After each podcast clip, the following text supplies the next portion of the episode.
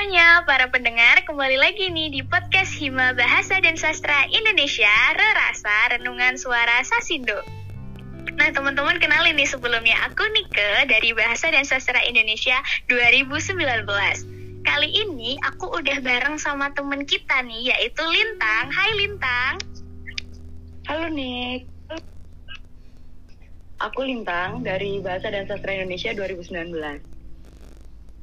Oke, nah kali ini aku sama Lintang mau ngebahas tentang berbahasa daerah masih gaul nggak sih? Nah, pertama aku mau nanya dulu nih sama Lintang. Kalau boleh tahu nih Lintang, uh, kamu sendiri masih sering nggak sih komunikasi pakai bahasa daerah? Kalau iya, bahasa daerah apa tuh Tang? Mungkin kamu bisa jelasin sedikit tentang bahasa daerahmu? Aku masih kok masih komunikasi pakai bahasa daerah entah itu di rumah atau di sama teman-teman gitu. Masih masih pakai. Aku pakai bahasa Jawa pakai dialek Surabayaan gitu. Karena aku kan anak Surabaya gitu ya.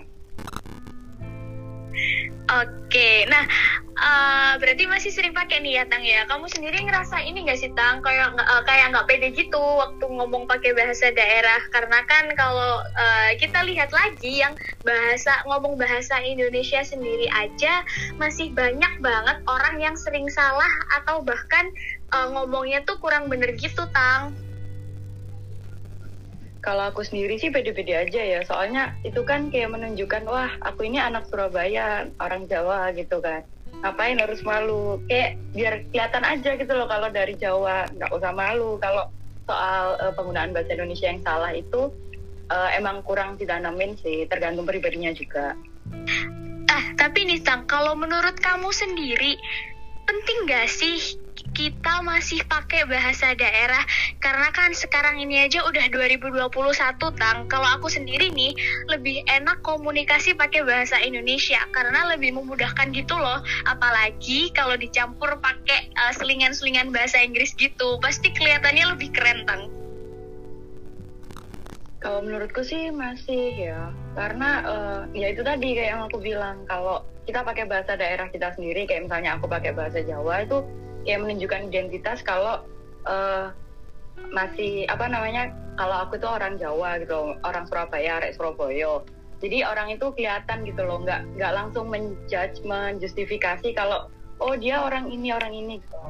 Terus uh, apa namanya aku sih uh, menurutku penting juga karena biar biar apa namanya kenapa penting juga? Karena uh, kalau misalnya kita ke ke merantau ke kota lain gitu kan mau nggak mau juga harus pakai bahasa yang ada di kota itu. Nah kalau kita pakai bahasa Indonesia terus kan pasti mereka ngejudge kayak uh, menjustifikasinya kayak kenapa sih pakai bahasa Indonesia terus belajar dong sama bahasa daerah kita gitu.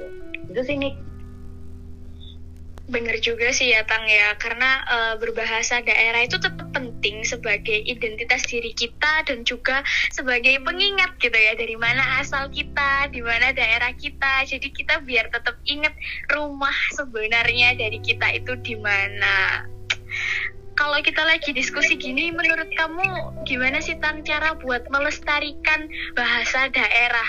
Apalagi kan sekarang udah banyak banget nih kayaknya yang udah lupa sama asal mereka karena mungkin alasannya malu, uh, malu dibilang medok atau sebagainya tuh Tang. Menurut kamu gimana?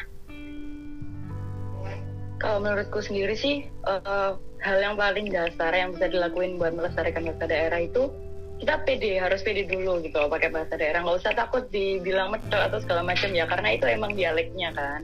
Terus uh, mulai dari lingkungan keluarga misalnya kalau ke orang tua itu harus ada uh, unggah-ungguhnya ada tata keramanya. Karena aku sendiri di rumah juga uh, sering sering pakai kayak gitu. Jadi selain bahasa bahasa Indonesia itu pakai bahasa yang ada tata keramanya gitu. Kalau enggak aku nggak dipeduliin gitu loh di rumah apalagi sama orang-orang tua jadi ya udah pede aja enjoy aja pakai bahasa daerah. Terus habis itu uh, lebih lebih ke ini sih cari-cari info tentang bahasa daerah yang nggak diketahui. Misalnya bahasa daerahnya dari hewan ini. Oh aku sebelumnya nggak pernah tahu nih. Jadi aku tahu gitu. Terus uh, belajar bahasa daerah dengan cara yang asik. Kayak misalnya sekarang kan lagi zaman nih kalau nulis-nulis materi misal materi kuliah itu di dibagusin gitu loh catatannya. Dihias atau gimana macam gitu jadi itu bisa membantu sih buat belajar bahasa daerah. Itu nih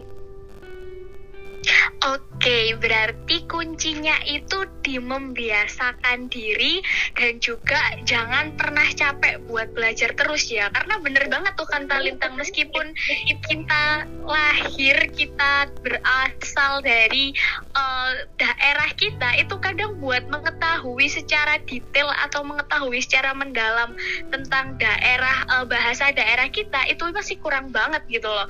Kadang ada yang nggak ngerti uh, tentang gimana sih bahasa daerah yang baik ketika kita digunakan uh, sama orang yang lebih tua khususnya bahasa Jawa nih ya karena aku sama Lintang kebetulan sama-sama dari Jawa gitu di Jawa aja tuh udah ada bahasa kromo yang kromo alus kromo inggil ada juga yang ngoko kayak gitu tuh uh, kadang kalau kita malas membiasakan diri dan malas buat belajar itu kita nggak akan pernah tahu tentang bahasa daerah kita. Wah, ternyata kita juga bisa ikut serta ya dalam mengembangkan bahasa daerah yang terdapat di Indonesia. Kalau gitu, kita semua juga harus bisa dong teman-teman menggunakan bahasa daerah tanpa harus ada rasa malu atau tidak percaya diri.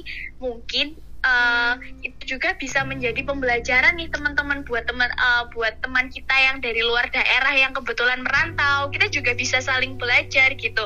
Jadi biar kita juga bisa mengenalkan bahasa daerah kita. Mungkin itu aja sih dari aku. Makasih juga ya buat Lintang yang udah menyempatkan waktunya untuk sesi podcast ini dengan tema berbahasa daerah. Masih gaul gak sih? Makasih juga ya nih aku udah diundang untuk ngobrol bareng kamu di podcast ini. Sama-sama Lintang. Nah, buat temen-temen jangan lupa uh, buat ngefollow podcast Rerasa Sas Rerasa Sastra Indonesia di Spotify atau bisa juga melalui Google Podcast dan nantikan keseruan yang akan datang. Sampai jumpa teman-teman.